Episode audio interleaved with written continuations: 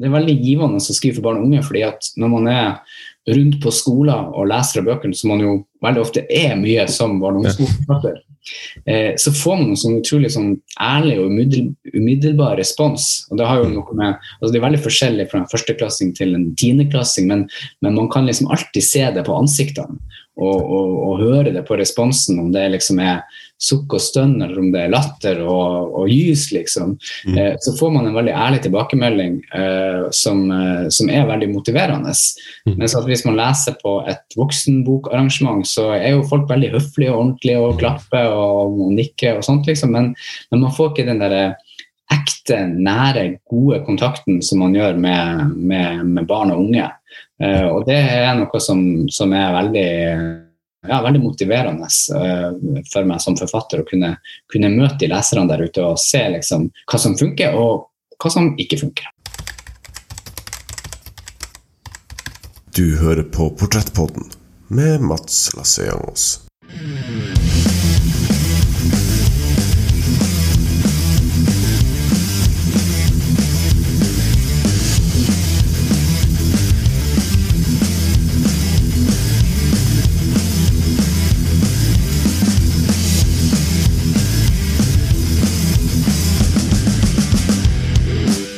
Det stemmer. Du hører på Portrettpodden. En podkast hvor jeg intervjuer mennesker som inspirerer meg, som får meg til å tenke, og så meg å forstå mer av verden jeg lever i. Mitt navn er Mats Lasse-Jangås, og sammen med min gjest, forfatter Endre Lund Eriksen, skal vi være stemmene i hodet ditt den nærmeste timen. Bodøværingen Eriksen, født i 1977, hadde en drøm om å bli forfatter siden han var barn. Om en pitbull-terrier går amok i 2003, fikk han sitt store gjennombrudd. Siden da har det blitt fire bøker til om Pitbull Terje. Bøker for voksne, for barn og unge, filmmanus og TV. Han skrev om pappa som blir fanga på baksida av månen, om pappa som blir homo, om ungdomspolitikere som drømmer om å tjene sin første million. Han er mannen bak Dunderly og Planetpatruljen, og mye mer. Endre er en forfatter som aldri later til å vike unna ei historie fordi den virker for stor eller alvorlig for barn og unge. Han nyter stor suksess, og hans litterære univers vokser gjennom filmatiseringer og dramatiseringer på scenen, bare større og større. Endre har alltid en ny historie han jobber med, og hans glede og entusiasme over språk og historiefortelling er noe av det mest smittsomme man kan utsettes for. I løpet av denne episoden prater vi om starten med Pitbull-Terje, om seksualitet i ungdomslitteratur, om tabu, og Eriksen skaper en rykende fersk idé til en ungdomsbok, eksklusivt i Portrettpodden. Så husk å lytte helt til slutten av episoden for å få med deg det. Med det ønsker dere riktig god fornøyelse, og her er Endre Lund Eriksen. Endre Lund Eriksen, du er født i 1977. Du er bodøværing på din hals. Du Liverpool-supporter. Da har vi fått under de tre viktigste, men uh, for å få litt mer generelt for, for, de som hører på, du er også kjent som forfatteren bak bøker om Pitbull-Terje, Dunderly, Planetpatruljen, og samt for litt eldre publikum som Den sommeren pappa ble homo, Baksiden, som vi også skal, skal innom løpet av denne episoden. men Den sommeren pappa ble homo ble også dramatisert på Hologram Teater, regissert av Petter Næss. senest satt opp på Folketeatret i Danmark, og skal nå etter alle solmerker bli film. Eh, men det hele begynte altså med, med Totto kidnappes i andre klasse på barneskolen. ja, det stemmer det. Det, var jo, det her var på et tidspunkt uh, i livet da jeg var blitt åtte år og mente at nå var det på tide at jeg bestemte meg for hva jeg skulle bli når jeg ble stor. Og da var det egentlig tre ting jeg godt kunne tenke meg å bli. Det ene det var forfatter, uh, det andre det var detektiv, og det tredje det var statsminister. Uh, og da tenkte jeg at jeg måtte bare gå i gang. Så, så akkurat det med statsminister skjønte jeg at det, det var ikke helt oppnåelig som åtteåring. Så det, det utsatte jeg. Men, men jeg starta detektivbyrå sammen med en kamerat. Vi klarte også å etterforske og, avdekke en sak med et sånt håndholdt dataspill som forsvant fra rommet hans, og som vi klarte å avsløre hvem som hadde tatt. Okay. Og så satte jeg meg ned og skrev bok, da. Og da, og da her var jeg på en tid da folk ikke hadde datamaskiner hjemme. Man eh, hadde kanskje skrivemaskin, og det hadde foreldrene mine. Mm. Så jeg satte meg ned og skrev på skrivemaskin. Jeg hadde jo nettopp lært meg å skrive og lese, så det var jo bare å gå i gang. Mm. Eh, og da skrev jeg om han Totto, som begynner i første klasse på skolen og har det litt vanskelig først, men så blir han kjent med en venn, og så har de det fint, men så ble det litt kjedelig, så fant jeg ut nei, jeg må da være litt action. Dermed så ble han kidnappet. Ja, ok. Sånn starta det. Ja, sånn, sånn, sånn kla- klassisk eh, dramaturgisk oppbygning av historien. Ja.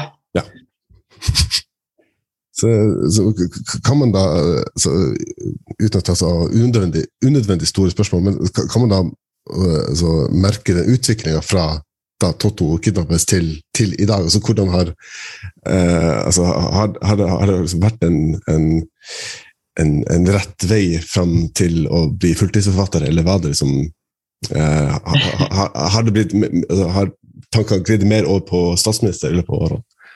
Uh, nei, du kan si at jeg har jo det, det, det har jo liksom vært litt i politikken, da, men, men ikke på et så høyt nivå. da. Men, men eh, jeg har jo jeg funnet ut at jeg egentlig trives best med å være forfatter.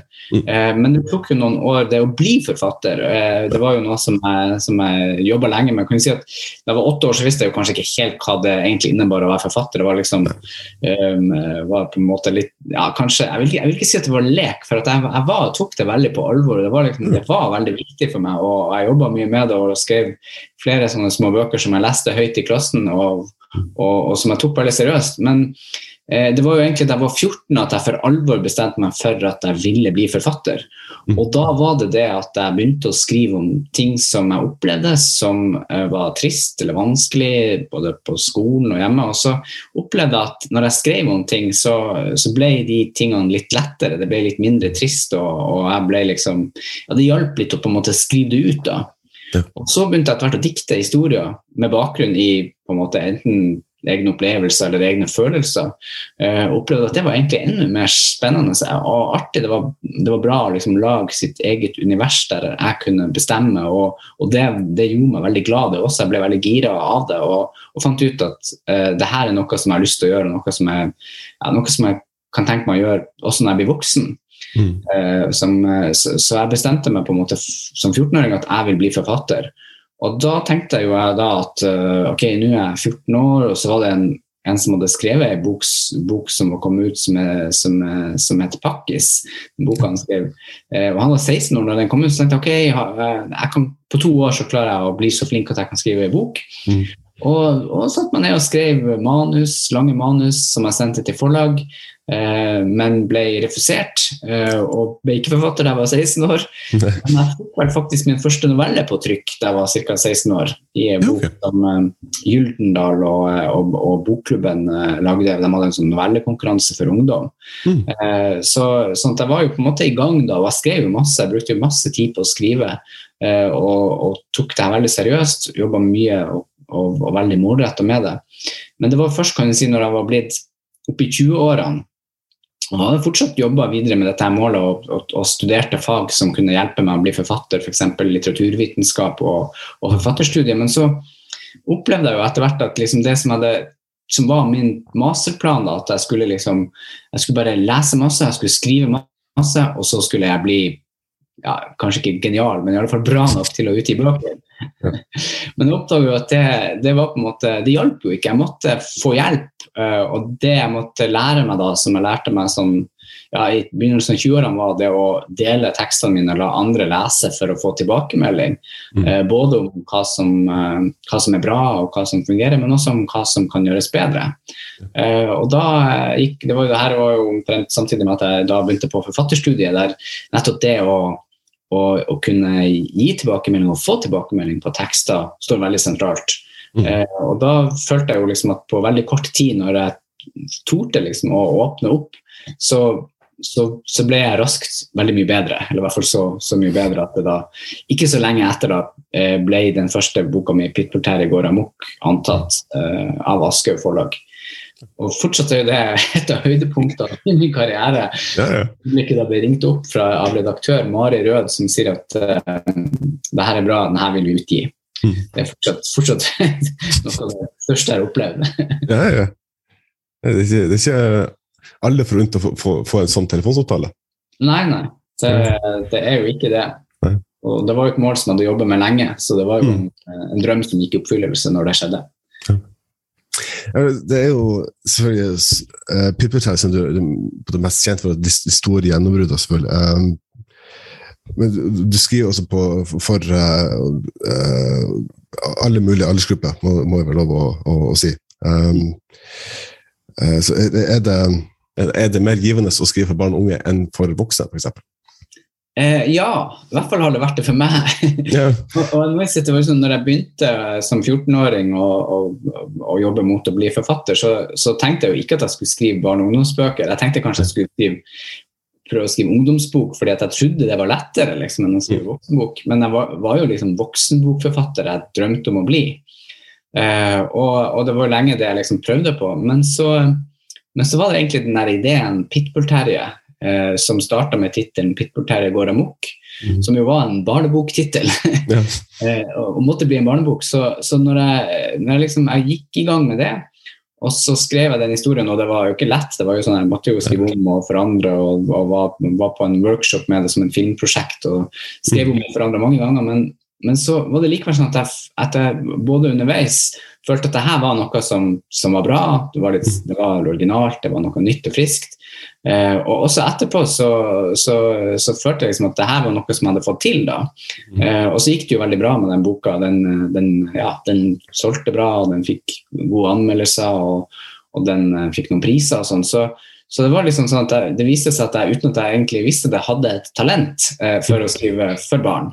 Eh, og så var det jo litt sånn at, eh, at jeg, eh, jeg hadde lyst til å fortsette med det, da, både fordi at det var veldig givende med all den tilbakemelding, gode tilbakemeldinga jeg fikk, men også fordi at eh, etter hvert så var det sånn at de fleste ideene som jeg fikk, det var barne- eller ungdomsbokideer. Mm. Det var liksom det som, som på en måte poppa opp av seg sjøl, og som tvang seg fram. Eh, og, så, og så har jeg bestemt meg på et eller annet tidspunkt liksom, noen år, Jeg har jo skrevet to voksenbøker da, Mm. men jeg bestemte meg ganske tidlig for at jeg skulle først og fremst skrive barne- og ungdomsbøker. Det er det jeg skulle, skulle satse på. Eh, og det har jeg jo holdt meg til, da, eh, selv om jeg jo jeg, holdt, jeg skriver jo av og til på litt voksenting og, Mm. og tenker litt på noen voksenbokideer som kanskje blir noe av en gang. Men, eh, men det er sånn det er veldig givende å skrive for barn og unge, fordi at når man er rundt på skoler og leser av bøkene, som man jo veldig ofte er mye som barne- og ungdomsbokforfatter, eh, så får man en sånn utrolig sånn ærlig og umiddelbar respons. Og det har jo noe med, altså det er veldig forskjellig fra en førsteklassing til en tiendeklassing, men, men man kan liksom alltid se det på ansiktene og, og, og høre det på responsen, om det liksom er sukk og stønn, eller om det er latter og, og gys, liksom. Mm. Eh, så får man en veldig ærlig tilbakemelding eh, som, eh, som er veldig motiverende. Mm. Mens at hvis man leser på et voksenbokarrangement, så er jo folk veldig høflige og ordentlige og klapper og, og nikker og sånt, liksom. Men, men man får ikke den derre ekte, nære, gode kontakten som man gjør med, med, med barn og unge. Eh, og det er noe som, som er veldig ja, veldig motiverende eh, for meg som forfatter å kunne, kunne møte de leserne der ute og se liksom, hva som funker, og hva som ikke funker.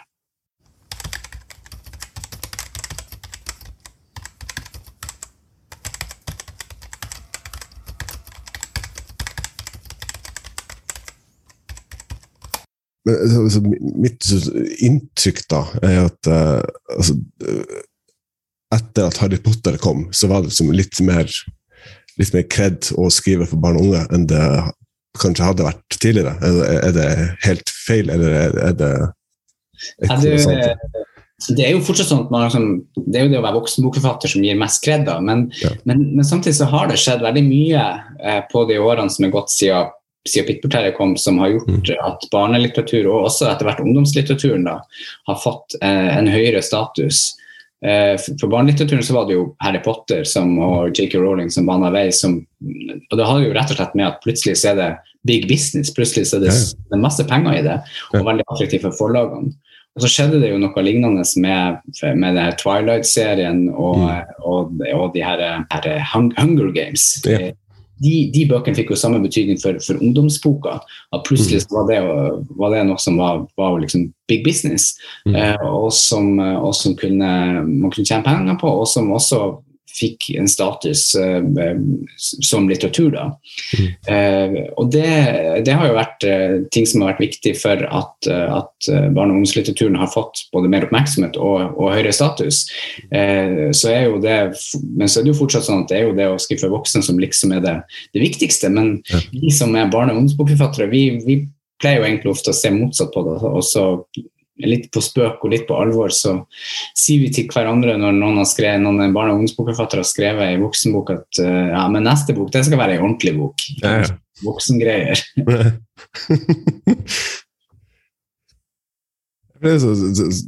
det er mange, mange uh, sterke og, og viktige uh, lærdommer man kan finne gjennom å, å, å lese litteratur for, for barn og unge. Uh, og man kan uh, altså Man kan veldig rett utvikle seg, seg selv som person gjennom å leve gjennom livene til fiktive karakterer. Um, er, men er det da altså er det fortsatt noen tabu i, i, det man kan skrive for barn og unge? Jeg tenker f.eks. på, på uh, altså 'Verdens beste pappa', som du har skrevet. er jo om en far som som virker veldig snill, men som også slår mor. Så det, er, det finnes noen grenser for hvor man ikke kan ta barn og unge med? Uh, ja, det er jo på en måte en diskusjon som hele tida pågår. da. Mm. Uh, og det er klart at det er veldig stor forskjell fra land til land. sånn at I noen land så er jo de bøkene som vi i Norge på en måte tar for gitt mm. at man skriver, de er jo helt uaktuelt å utgi i, i, i, mange land, sånn som f.eks. Kina og, og, og sånt. Og, og, mens at um, Eh, I Norge så har vi jo på en måte nærmest liksom gjort det til en sport og på en måte i barne- og ungdomslitteraturen kunne ta opp alle mulige temaer. Mm. Og, og det, jo, det, er jo sånn at de aller fleste tema Jeg vil si at sånn prinsipielt så kan de fleste tema skrives om for barn og unge. Mm. Bare de er gjort på rett, bare de gjort på rett måte. på en måte. Altså, altså, man, man, kan ikke, man, kan, man, må fortelle dem med, med på, i øyehøyde med de man skriver for. Mm. Eh, sånn at, at, at, det går an. Eh, og det, det, gjøres, Men det er fortsatt noen tabu som også, er, eh, som også er vanskelig eh, å skrive om i Norge. og Et sånt tema er jo seksualitet. Mm. og Da tenker jeg særlig i forhold til barn. Altså I ungdomslitteraturen er det jo mye seksualitet, men, men i barnelitteraturen, også opp til og med, med, med sjette-sjuende, liksom, så, så det er et tema som, som, som, folk er veldig redd for å skrive om. fordi at man, man har skapt et sånt bilde av at eller en sånn, sånn myte om at, uh, om at, barn ikke har noe seksualitet, om at, at man skal forskåne barn fra, fra det seksuelle. Men, mm. men, det stemmer jo ikke, fordi at barn har jo en seksualitet som, som gryr fram i mm. barneårene og i, i, det man går også før, også før, man går inn i puberteten, men særlig da puberteten starter. Mm. Uh, og Det har jo vært uh, også en diskusjon f.eks. om Rune Belsviks bok 'Tyven' for, uh, for, en del år tilbake, som, som, en kritiker gikk hardt ut mot fordi at det var to barn som, som ja, gnukka litt på hverandre og, og hadde seksuelle, seksuelle lyster og, og, en, og en, slags, ja, slags seksuell kjærlighet. Forfatter Rune Belsvik kom i hardt vær da han i boka 'Tjuven' fra 2008 beskrev seksuelle drifter blant to mindreårige karakterer. Beskrivelsen av boka lyd som følger. Jolver kjeder seg. Han går ned til Bob. Han håper at søskenbarnet til Bob ikke er der. Søskenbarnet bestemmer ofte at Jolver ikke får være med og leke. Men i dag spør søskenbarnet om Jolver vil bli med inn i bua. Hvorfor skal vi inn i bua, spør Jolver. Der inne står Art Eline. Bob sier Jolver skal få se noe stilig. Det er et blad med nakne damer. Jølver har aldri sett noe så fint før. Det er jo et sånt tema som, som, som fort er et tabu, og som, eh, som jeg er så vidt har vært innom, men ikke, på, ikke berørt liksom, i sin fulle tyngde. Men som, jeg, men som, jeg, har lyst til å skrive noe om. Uh, fordi at, ikke fordi at jeg vil sjokkere eller, eller bryte tabu, men fordi at jeg tror at det er viktig at det finnes bøker eh, for barn som også tar for seg det temaet, fordi at det er en naturlig del av livet til også et barn. Eh, og Derfor så, så, så, har jeg lyst til å skrive noe om det. Mm. Det er jo også noe om at det er så mye skam knytta til seksualitet. Selv om seksualiteten er liksom overalt i media. I, ja, vi blir overøst med liksom, seksuelle referanser i alt fra reklame til, til, ja, til, til den pornoen som er utrolig lett tilgjengelig på, på nettet, ja. så er det samtidig mye skam knytta til det. Og det blir også skam knytta til det som jo er helt naturlige menneskelige lyster. Som, som, jeg mener er unødvendige, men at dette er noe vi må kunne snakke om på en ordentlig måte. og og gjøre at, eh, at unger kan, kan, forholde seg til det på en måte som er, som er, mer sunn enn at man skal se på det som noe skambelagt, og som er på en måte en del av pornoens verden. Det er også som jeg, altså, Apropos seksualitet uh, Man har jo f.eks. bøker som sånn, uh, 'Det som pappa ble homo', eller også hvordan jeg tjente min første million, hvor da uh, hovedkarakterens største uh, avsløring i, i, begynnelsen er jo ikke nødvendigvis at han er homofil, for det vet alle i familien, men det at han er med i Unge Høyre. Du er da uh, Skal ikke bruke altfor mye tid på politikk, men du er da ikke med i Høyre, kan man trygt påstå. Nei, det kan man ikke slå fast. ja. så hvor, altså, hvor mye så sier Man skal, man skal kunne ha de bøkene for at barn skal kunne, kunne lese sånne historier. Hvor mye, hvor mye politikk skal man legge inn i barne- og ungdomslitteratur? Eh, det kommer jo an på, tenker jeg. For jeg synes jo det, det er jo, eh, Politikk handler jo om hvordan, hvordan, Norge og hvordan verden styres. Og det griper inn i, i alle sine liv, også i barn og unge sitt liv i aller høyeste grad. Eh, sånn at jeg mener absolutt man kan ha eh, politikk med i, i, i barne- og ungdomslitteraturen. Eh, men det må jo ha en funksjon som på en måte forsvarer seg, og som, og som er på en måte i, i øyehøyde med de, de, som det skrives om. da. Mm. Uh, og i, si, i, i, hvordan jeg tjente min første million, så, så, er jo politikk sentralt. fordi at han, eh, Robin, som er hovedperson, han vokser opp i en, i, i en raddisfamilie der de er veldig miljøvennlige og veldig sosialistiske, men sjøl så har han eh, sterke sympatier med Høyre. Mm -hmm. og vil også bli rik. Han vil tjene penger på aksjer og bli rik. Mm -hmm. og han har en sånn, følelse sånn fremmedhet i forhold til sine foreldre, som, som jo ofte i sånne historier det er omvendt at det er noen som vokser opp i en borgerlig familie og som sjøl er litt, uh, litt revolusjonær og, og, i opposisjon, her er det en som er i motsatt opposisjon, da, som er i opposisjon til, til de her ja, raddisforeldrene sine og raddissøsknene, og, og som vil noe annet, og som er flau over dem mm. for det.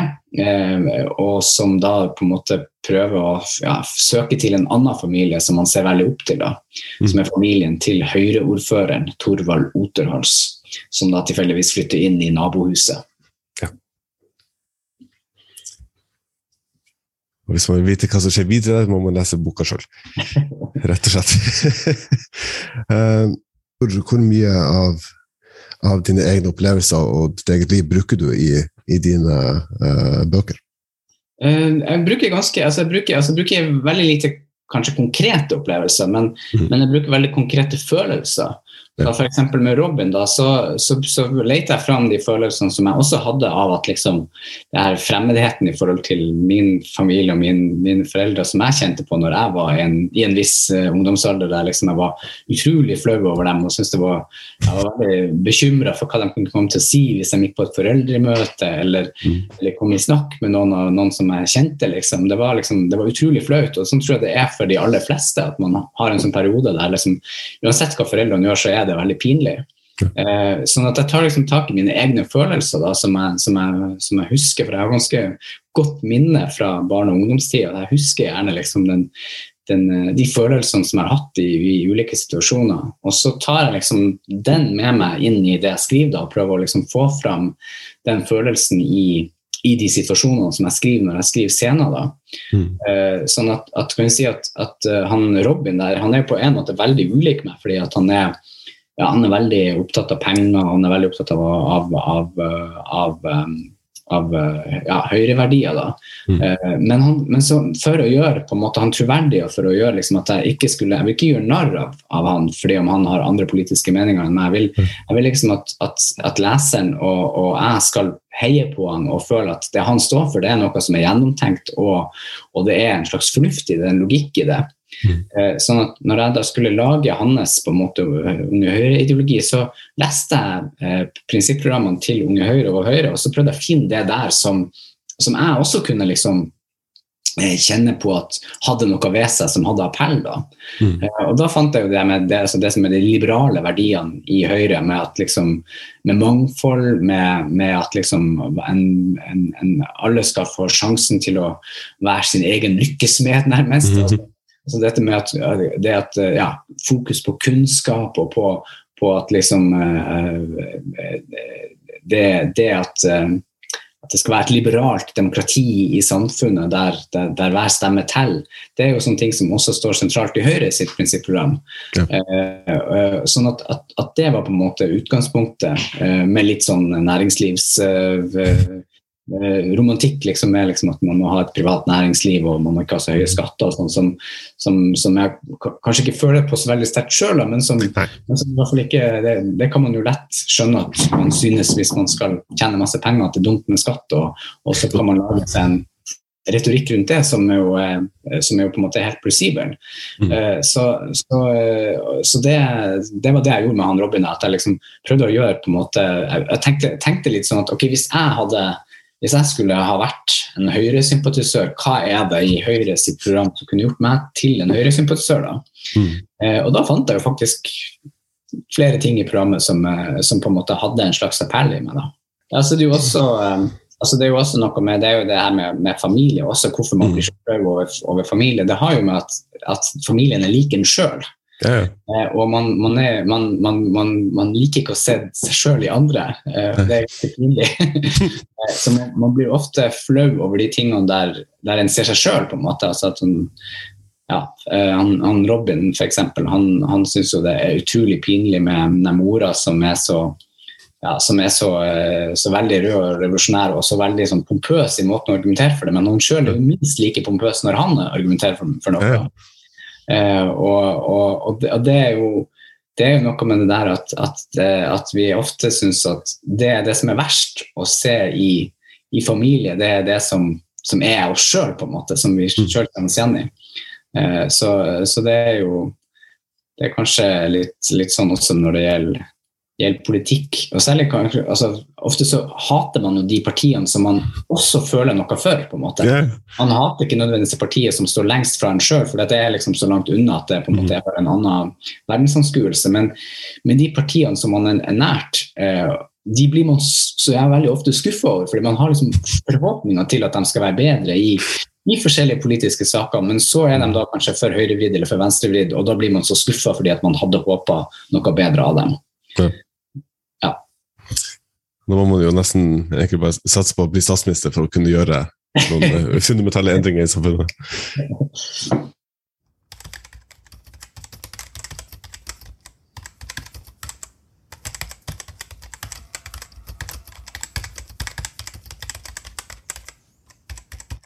Du hører på podkasten Portrettpodden med meg, Mats Lasiangos. Denne podkasten har som mål å bringe deg sterke og inspirerende historier, fortalt gjennom spennende og varierte gjester. Hver enkelt en av oss trenger inspirasjon for å nå målene våre, og jeg henter min inspirasjon gjennom hva og hvem som inspirerte mine helter til å komme dit de er i dag.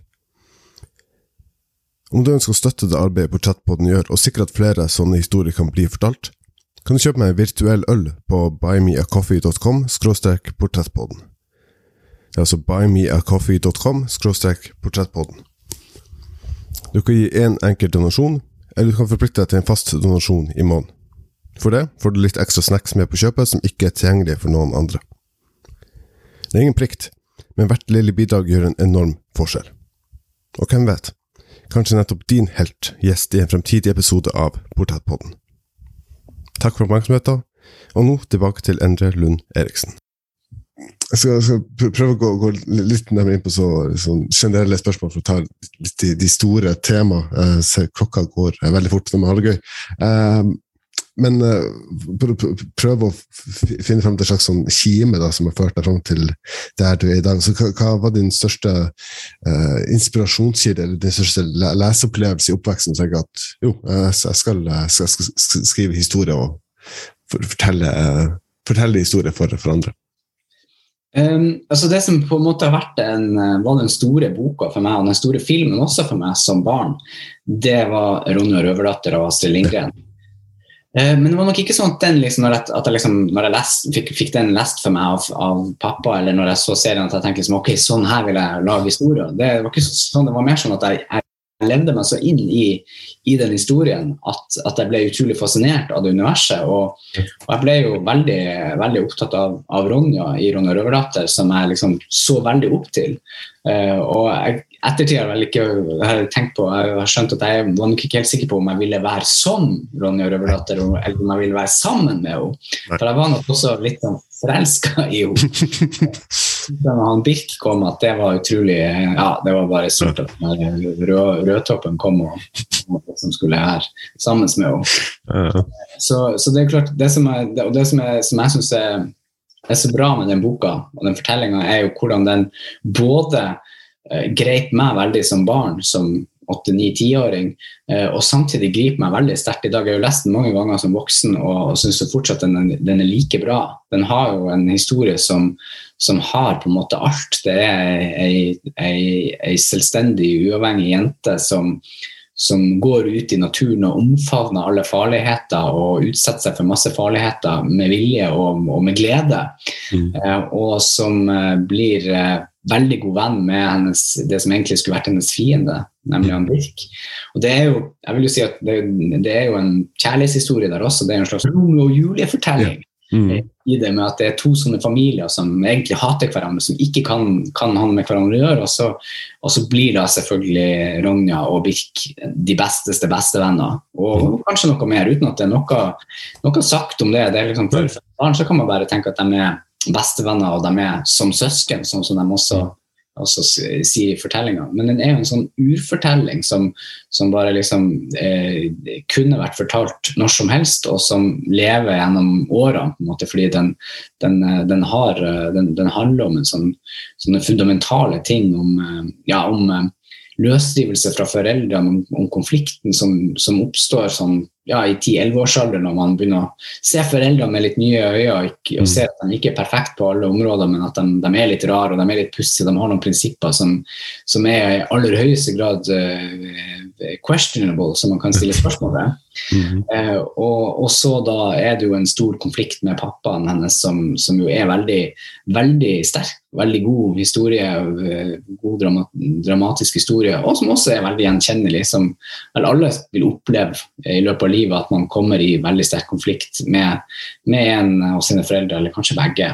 Uh, og Noen ganger så løser det seg, andre ganger ikke. Uh, så det er en sånn, sånn historie som på en måte bare Eh, har så mye, har så mange sider og så er så rik. Selvfølgelig er det også dette at det er et sånt eh, eventyrunivers, et sånn middelaldersk eventyrunivers der det ikke bare er riddere og, og røvere, men det er også, eh, også eh, magiske skapninger, villvetter og, og, og, og, vesener som bor i skogen som, som man må holde seg unna. Så det er jo, eh, det er jo et, et, univers av historie som, som, har alt. Mm. Og så, og så er det, ikke, det er på en måte ikke den som kanskje ikke, kanskje ikke vært akkurat den, Det er ikke den historien som har gjort at jeg tenkte at jeg vil bli forfatter, eller, mm. eller, eller sånn, men den har, vært, har inspirert meg veldig på, på mange måter i, i arbeidet mitt. Eh, I, eh, I, alle fall i voksen alder. Altså at jeg har på en måte ja, lært mye av den fortellinga og, og, av de karaktertegningene som er der med tydelige, klare karakterer som sier klart ifra om hva de mener og flyr i tottene på hverandre ved den minste anledning, men samtidig er veldig glad i hverandre. Hvis du ser på, på ditt eget uh, forfatterskap med, med litt, uh, litt, objektive øyne, uh, har, har, du har du stjålet noe fra, fra Lindgren, f.eks., som du bruker i ditt eget forfatterskap? Ja da, det har jeg absolutt gjør, gjort og gjør. Ja. det, det, det er på en måte ikke å stikke under en stol. Jeg har karakterer som, som har trekk som er inspirert av uh, Ronja f.eks. og av pappa og, og Lovis. Mm. Uh, Mattis og Lovis. Det, det, er helt klart noen av mine karakterer som har slektskap. både noen av de som, som finnes i de bøkene som finnes, men også i ting som jeg sitter nå og skriver på. Eh, så, så det, det, er, klart at det, det, er litt tyveri på, på høylyst, høylyst dag utover, det, det er det ikke noe tvil om.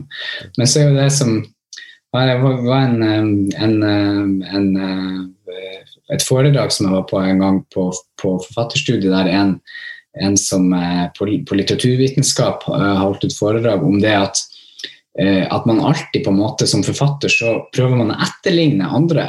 Man prøver å skrive som, ja, som den store mesteren, om det, om det, er Ibsen eller om det er Solstad eller hvem det er. Men man klarer aldri å etterligne helt, liksom. Og dermed oppstår det noe nytt og helt unikt.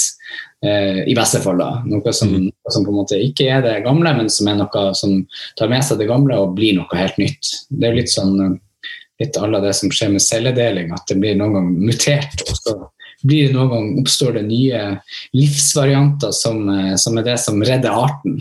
Mm. Sånn også i, i, litteraturens verden, tror jeg. Ja. It's one small step for man,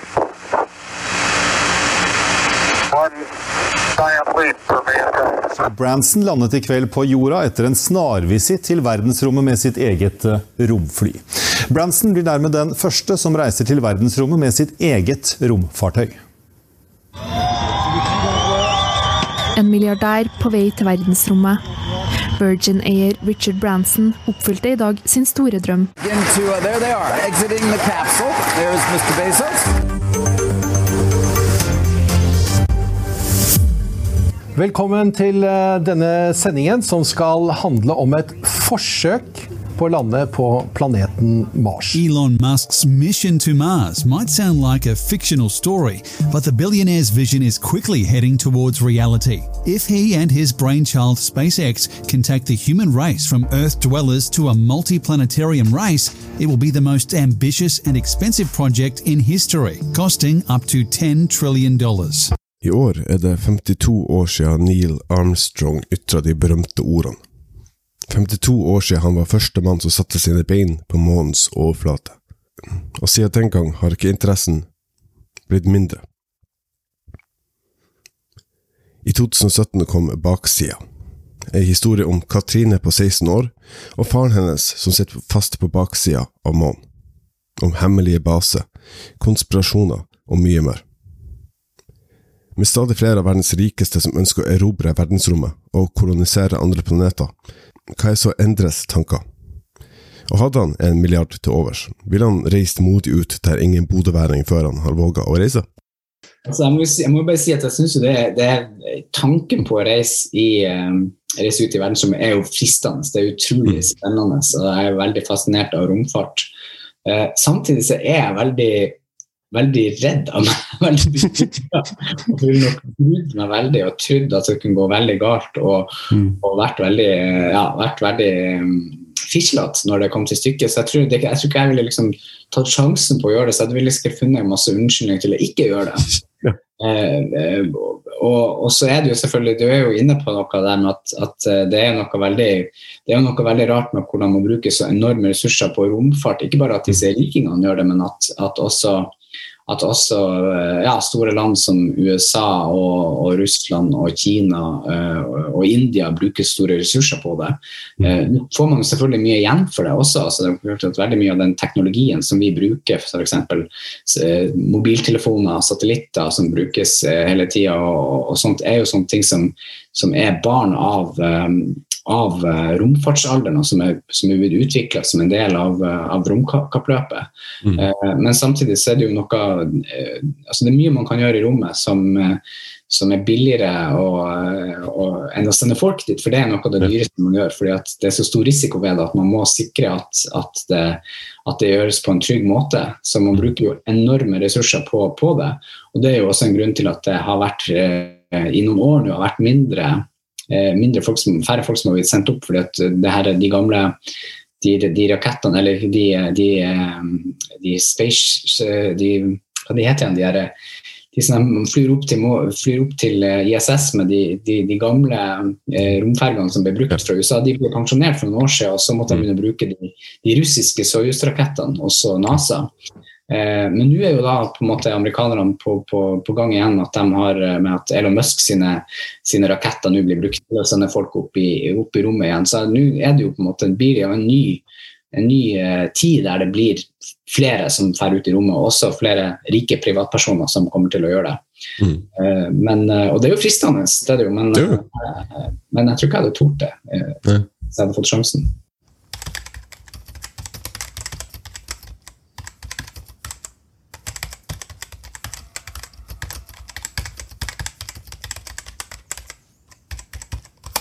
Er jo, så, som jeg så galant var inne på, eh, baksiden eh, en, en av dine romaner handler jo om, om Katrine og hennes far da, som vinner en, en, en reise rundt eh, rundt månen, og da blir stranda på baksida eh, i eh, Sitter i, i, i en base på baksida av månen og kommuniserer da med sin datter gjennom det mørke nettet, og all- alle meldinger er kryptert, for at man vet jo ikke hvem som, hvem som hører på.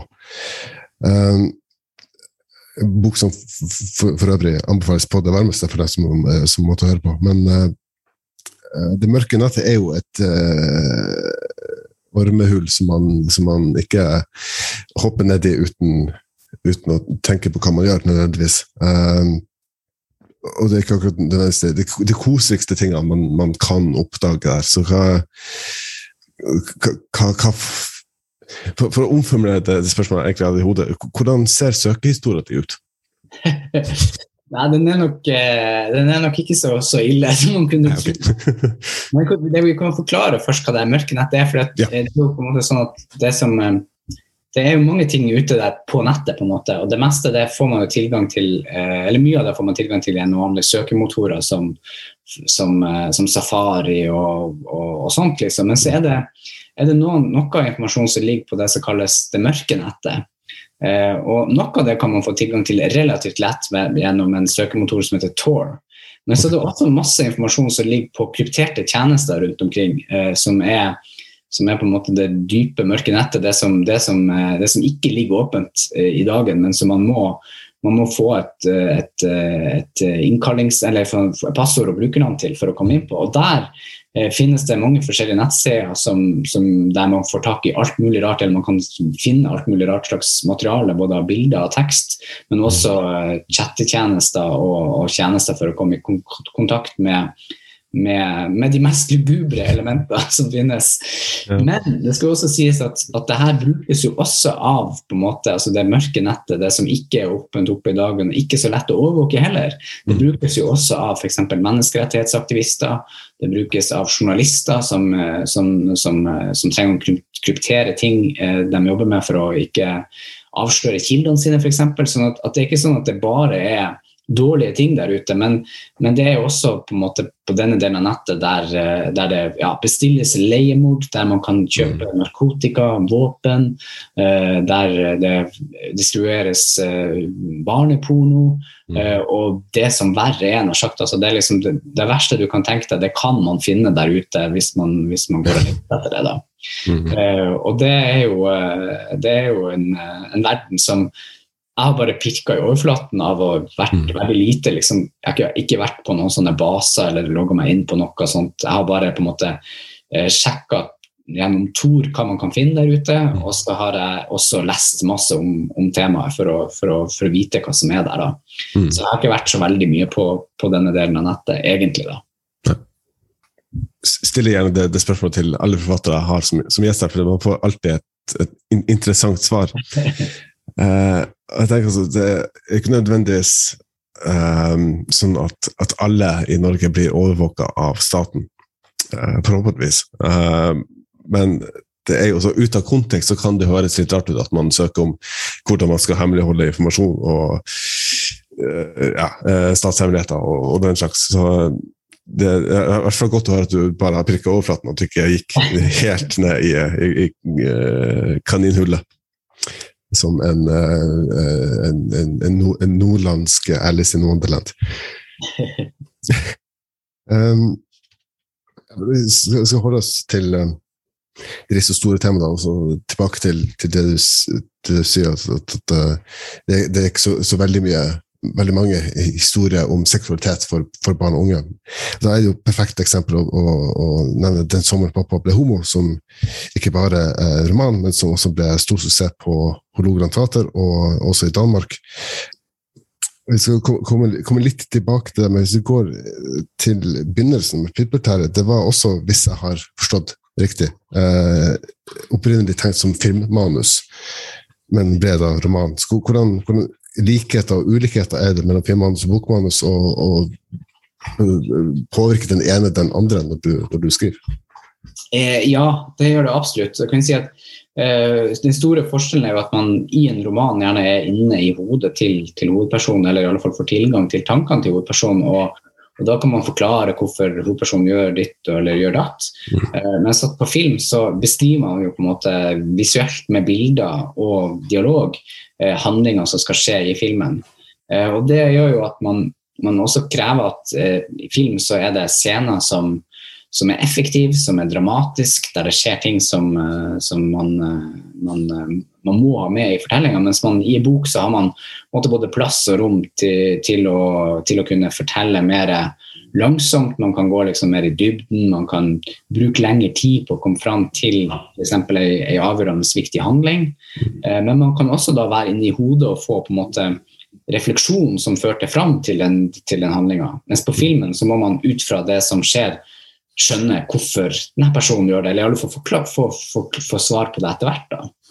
Eh, og det er jo eh, det som jeg sier som har påvirka meg i måten jeg skriver romaner på, er jo at jeg skriver jo gjerne scenisk. altså Det er scener der, der det foregår en, en dramatisk handling, der vi er i en dramatisk situasjon.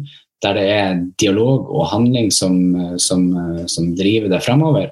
Eh, ofte i romaner så er man jo i lange kan man være i lange partier i, inne i indre monolog og i tankene til, til en hovedperson. Eh, det er man jo selvfølgelig av og til også i mine bøker, men, men det er gjerne ei handling, en tydelig ytre handling som, som står sentralt, og som, og som drar eh, historien eh, fra scene til scene. Mm. Eh, men kan vi si det som er det som er jo eh, en stor forskjell mellom å skrive for film og bok, skrive film og bok, er at i når man skriver film, så er det sånn at det er veldig mange som skal ha en mening om manuset. og, og, og foreslå ting som skal forandres og strykes og legges til. Mens på bok så er det på en måte, da er det du som forfatter som, som i større grad er, bestemmer mer. Eh, det er jo gjerne noen som skal mene noe om det også, det kan være redaktører, det kan være andre lesere. Men på film så er det på en måte gjerne, kan det være noen som sitter på pengesekken, f.eks. En finansiør som, som har, eh, har en mening, som gjerne da får mer vekt fordi den personen sitter på mer makt enn eh, enn det som kanskje er en bedre eh, rent sånn dramaturgisk eh, mening om, om nettopp det som diskuteres. da. Mm. At, at det er en sånn det, det er en, Og det gjør også at det, det å skrive et filmmanus er en mye mer sånn uh, innvikla prosess som er mye fram og tilbake, og, og, og, og ikke så rett fram som det å skrive, skrive en roman. da. Eh, men man kan lære av den ene prosessen har mye å tilføre den andre. Uh, F.eks. at i film så må vi ha tydelige karakterer som har tydelige mål. Eh, vi, må, vi, ikke, vi har ikke plass til å ha med scener som, eh, som, ikke, som ikke tilfører noe nytt, som ikke forteller oss noe nytt. Uh, og, det er jo sånne ting som man kan godt ta med seg inn i skriving av en roman, og som jo kan gjøre at, at det blir eh, ja, enda, enda bedre og mer, mer eh, økonomisk, altså mer presist og, og, og, og bedre dramaturgi rett og slett i en roman, hvis man, hvis man lærer litt av filmen. da. Men så har jo da filmen dette med at den, den er, kan jo bli litt av fire. Det kan bli litt sånn at man liksom følger på en måte en struktur med tre akter og, og, en, og en bestemt måte som, som, eh, som på en måte historien blir bygd opp, eh, som noen kan bli litt, eh, litt man kan bli litt lei av. da. Eh, så, sånn at, at det er jo det er jo sånn at man, man bør på en måte ikke bruke de verktøyene, altså f.eks. dramaturgien, eh, som, som tvangstrøye, som man gjerne kan, kan gjøre. Si at liksom, ja, på side bla, bla, bla, så burde det være et Mm. eller på side bla, bla, bla, så må helten i historien ha, ha kommet til det og det punktet. Eh, eh, det, det er på en måte eh, et godt utgangspunkt for og en rettledning, men så blir det jo som regel enda bedre hvis man bryter litt med strukturen eller med det som man forventer seg av en Mm. fortelling. Mm. Jeg tenker også at eh, for norsk målestokk, hvis man skal lage film, så er det jo i hvert fall om ikke enklere, så i hvert fall billigere å lage en film eh, om en norsk drabantby og en, en, skoleklasse enn noe som skjer i verdensrommet, eller eh, på mange forskjellige kontinenter. Så det er jo eh, så Til syvende og sist er det jo penger som styrer, som styrer mye. Men eh, hvis jeg uh, går til f.eks. Pippeter, som var en stor suksess på, på, på kino. Uh, og den som Papa Homo, som ble stor suksess på HT og i Danmark, som jeg var inne på. Som du også gjør med filmmanus på. Uh, hvordan er det som, som, forfatter å se at på det, eh, barnet ditt hvis det er lov å si, blir, blir omfavna av, av en, en, en, annen kunstnerisk institusjon, og både skal tolkes gjennom deres øyne? Det er jo veldig, det er veldig gøy, eh, mm. og, og, litt skremmende. For Man vet jo ikke hva det blir, og om det blir bra. Men så er, jo, er det jo sånn heldigvis at det er veldig sjelden at en dårlig film kan ødelegge en god bok. Ja. Eh, det, det, er jo som regel sånn at, at, eh, at, boka blir stående, i alle fall på biblioteket, uansett hva som skjer med, med filmen. Men jeg føler jo at jeg har vært veldig heldig med med de filmatiseringene som, som, som, har vært av mine ting. Mm. Uh, Pitbull-Terje, når jeg så liksom, den ferdig klippet første gangen, så, så, var jeg utrolig glad for det arbeidet regissør Arild Frølich hadde gjort. Jeg syns det var på en måte veldig i tråd med universet og veldig liksom kjentes veldig som, en, som, noe som jeg kunne stå ved. Hva med rett rundt Terje? Er du tjukket der, eller? Kukketerre. Homoterre. Eller bruker du bare feiten? Du kan kalle meg Pitbull-Terje. Veit du hvorfor? Fordi jeg har en pitbull! Skjønner du det?! Og hadde samme opplevelse da den sommeren pappa ble homo, ble satt opp på Hålogaland teater av Petter Ness. Mm. Eh, da var det også sånn at, at jeg liksom jeg, visste, jeg, jeg, hadde en sånn følelse av at Petter Næss skulle gjøre at dette kom til å bli, til å bli, bli kjempefint. Og, og, når jeg så en prøve som var eh, som, ja, kanskje midtveis i prosessen, så, så, ble jeg veldig glad og betrygga at det her blir fint. Eh, mm. Og, og, og, det ble veldig følende både liksom noe som, som, var litt mitt, men som også var blitt noe, noe annet. Noe som noen andre kunstnere hadde vært inne og tillagt noe veldig fint eh, som hadde gjort historien rikere og større. Det er jo, det er jo ikke bare regissøren, eh, som, som Petter Ness i dette tilfellet, men det er jo snakk om scenografi, det er snakk om kostymer, det er snakk om det arbeidet som skuespillerne gjør, som, som jo lager en totalopplevelse som, som på en måte blir mye større enn det som jeg kunne pønske ut i hodet mitt og skrive i boksform. Ja. Eh, og det er en utrolig stor gave når man opplever det. Eh, veldig, veldig, veldig fint sånn, for, for, en forfatter å oppleve noe sånt. Mm. Ungdomsforestilling er en på samme tid humoristisk, absurd, burlesk, sår, varm og litt pinlig historie om den vanskelige puberteten. I tillegg er den befriende avvæpnende om fortsatt tabubelagte seksuelle tema, skilsmisseproblematikk og homofobi. Det er sjelden å se en forestilling der alt er fortalt fra ungdommens ståsted, direkte, omsvøpsløst, lekende og i et uvanlig frodig språk, uten at det blir påtatt. Dette var ekte. Prisen for årets barne-ungdomsforestilling går til Den sommeren pappa ble homo når Pitbull-Terje og Kampen mot barnevernet ble satt opp eh, på, på teater nå nylig, og som fortsatt, fortsatt går, skal gå nå i høst, eh, så, så, så jobber jeg med, med Morten Røstrud. Vi gjorde dramatiseringa i lag, og han er instruktøren som satte opp.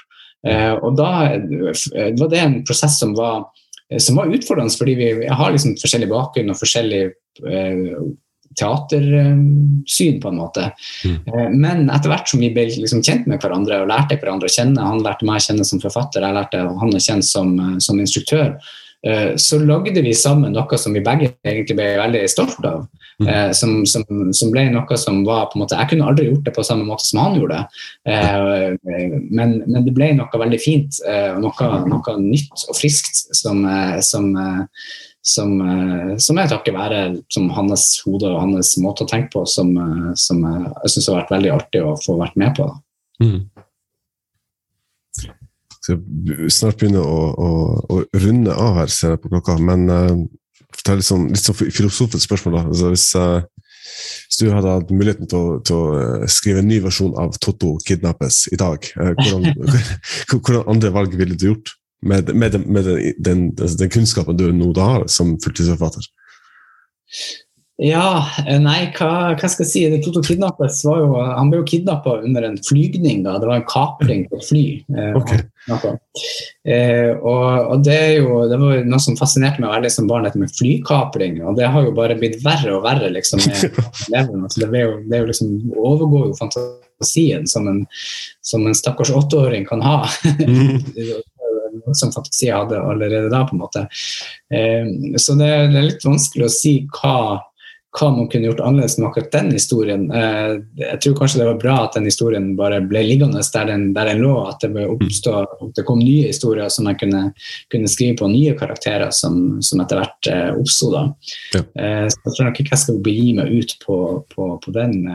Skjønner nok hadde vært spennende å høre hvordan det hadde gått med Totto i dag. Er det én ting jeg virkelig har sett fram til? Et spørsmål forfattere ofte får, er hvor de får ideene sine fra. Det er et spørsmål som de fleste forfattere er lei av å svare på. Derfor ønsker jeg å vri litt på det spørsmålet og, som alltid, hva endrer jeg sporty. Jeg ga nemlig ei utfordring. Jeg ga et par stikkord eller parametere, og ba han komme opp med konseptet til en ungdomsfortelling. Målet med det var å finne ut hvordan han arbeider som forfatter. Hva legger han vekt på, og hvordan skaper han sine univers? Parametrene han hadde å jobbe med, var som følger. Målgruppa skulle være mellom 12 og 15 år. Det kunne handle om en tidsreise. En hverdagslig gjenstand får større betydning. Det kunne også være elementer av spenning, av skrekk eller av kjærlighet. Det han kom opp med, var mye mer enn jeg hadde tort å håpe på. Hvorfor jeg egentlig ble overraska, er jeg egentlig litt usikker på. Det er litt som å sentre ballen til Beckham og be om å skyte i nærheten av mål, om du gidder. Så, helt avslutningsvis i denne episoden av Portrettpodden får du høre det som kan være grunnpilarene til en helt ny ungdomshistorie, pønska ut av Endre Lund Eriksen.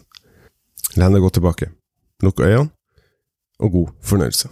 Det var jo ett stikkord som var tidsreise, som, eh, som, eh, som trigga meg. da. Så, så, jeg tenkte at uh, vi har her å gjøre med en historie om ei jente som er ja, ca. 14 år, mm. som må hjelpe foreldrene å tømme huset etter oldemor som skal på sykehjem. Okay. Egentlig så vil hun bare være sammen med vennen sin, som hun er forelska i. Mm. Eh, så på kvelden når familien er ferdig for dagen, så tar hun med seg vennen til huset til oldemor, som jo da står tomt. Og den klare planen her om at eh, det skal skje noe mellom dem. Kanskje det skal være noe kyssing eller noe. Det er et eller annet mm. koselig å se. Men så oppdager de at det gamle speilet i gangen eh, hos oldemor, eh, som alltid har stått der, og, og som er liksom veldig gammelt og ja, har tidens tann prega på seg, det kan ved hjelp av et apparat som ser ut som en gammel klokke, brukes som en portal for å reise tilbake i tid. Og Så går de her to vennene da, sammen gjennom det speilet, og så havner de da i 1942, midt under krigen. Og Da havner de i huset til eh, der, der oldemor bodde på denne tida, et hus på landet. Eh, og oldemor er jo selvfølgelig da ikke gammel men hun er 14 år på deres alder. altså. Eh, og når oldemor oppdager dem, så, så, vil hun jo eh, gjerne bli kjent med dem, leke, finne på noe gøy. Eh, for det er jo på landet, og det er ingen andre der. Hun bor på landet fordi at det er krig, og, og for å være på en måte i ja, sikkerhet i forhold til bombing og sånn. Og så blir de jo kjent med oldemor som da er 14. Eh, men de kan ikke si at de kommer fra framtida og at uh, hun jenta her er hennes uh, oldebarn. Så de må liksom prøve å komme seg tilbake i tida. Problemet var at speilet virker ikke lenger. Det er et eller annet som, som gjør at det ikke virker. Så de blir stuck i 1942, og så må de da finne en måte å få det her speilet til å virke. og så er det selvfølgelig da, siden vi er i krigen, noen slemme nazister som får nyss om det her tidsspeilet, som også er på jakt etter å, å, å, finne ut hvordan de kan reise i tid, og som da eh, denne jenta og eh, venninna hennes må ta opp kampen med. Du har hørt på en episode av Portrettpodden med meg, Mats Lassiangos, og min gjest denne episoden var forfatter Endre Lund Eriksen. Min takk til Endre for at han ønska å være gjest i denne episoden, og for at han var så sporty og tok utfordringa på strak arm. Har du gjort noen tanker mens du har hørt denne episoden? Har du ris eller ros eller tips du ønsker å komme med, så kan du rette til Portrettpodden sine Facebook-sider, eller på e-post til portrettpodden alfakrøllgmail.com. Husk at du kan finne Portrettpodden på Instagram, på Facebook og på Twitter. Du kan også støtte Portrettpodden på buymeacoffee.com. Alle lydklippene brukt i denne episoden er benytta i henhold til sitatrett. Portrettpodden arbeider i henhold til Vær varsom-plakatens regler for god presseskikk. Takk for at nettopp du hørte på, og vi høres snart igjen.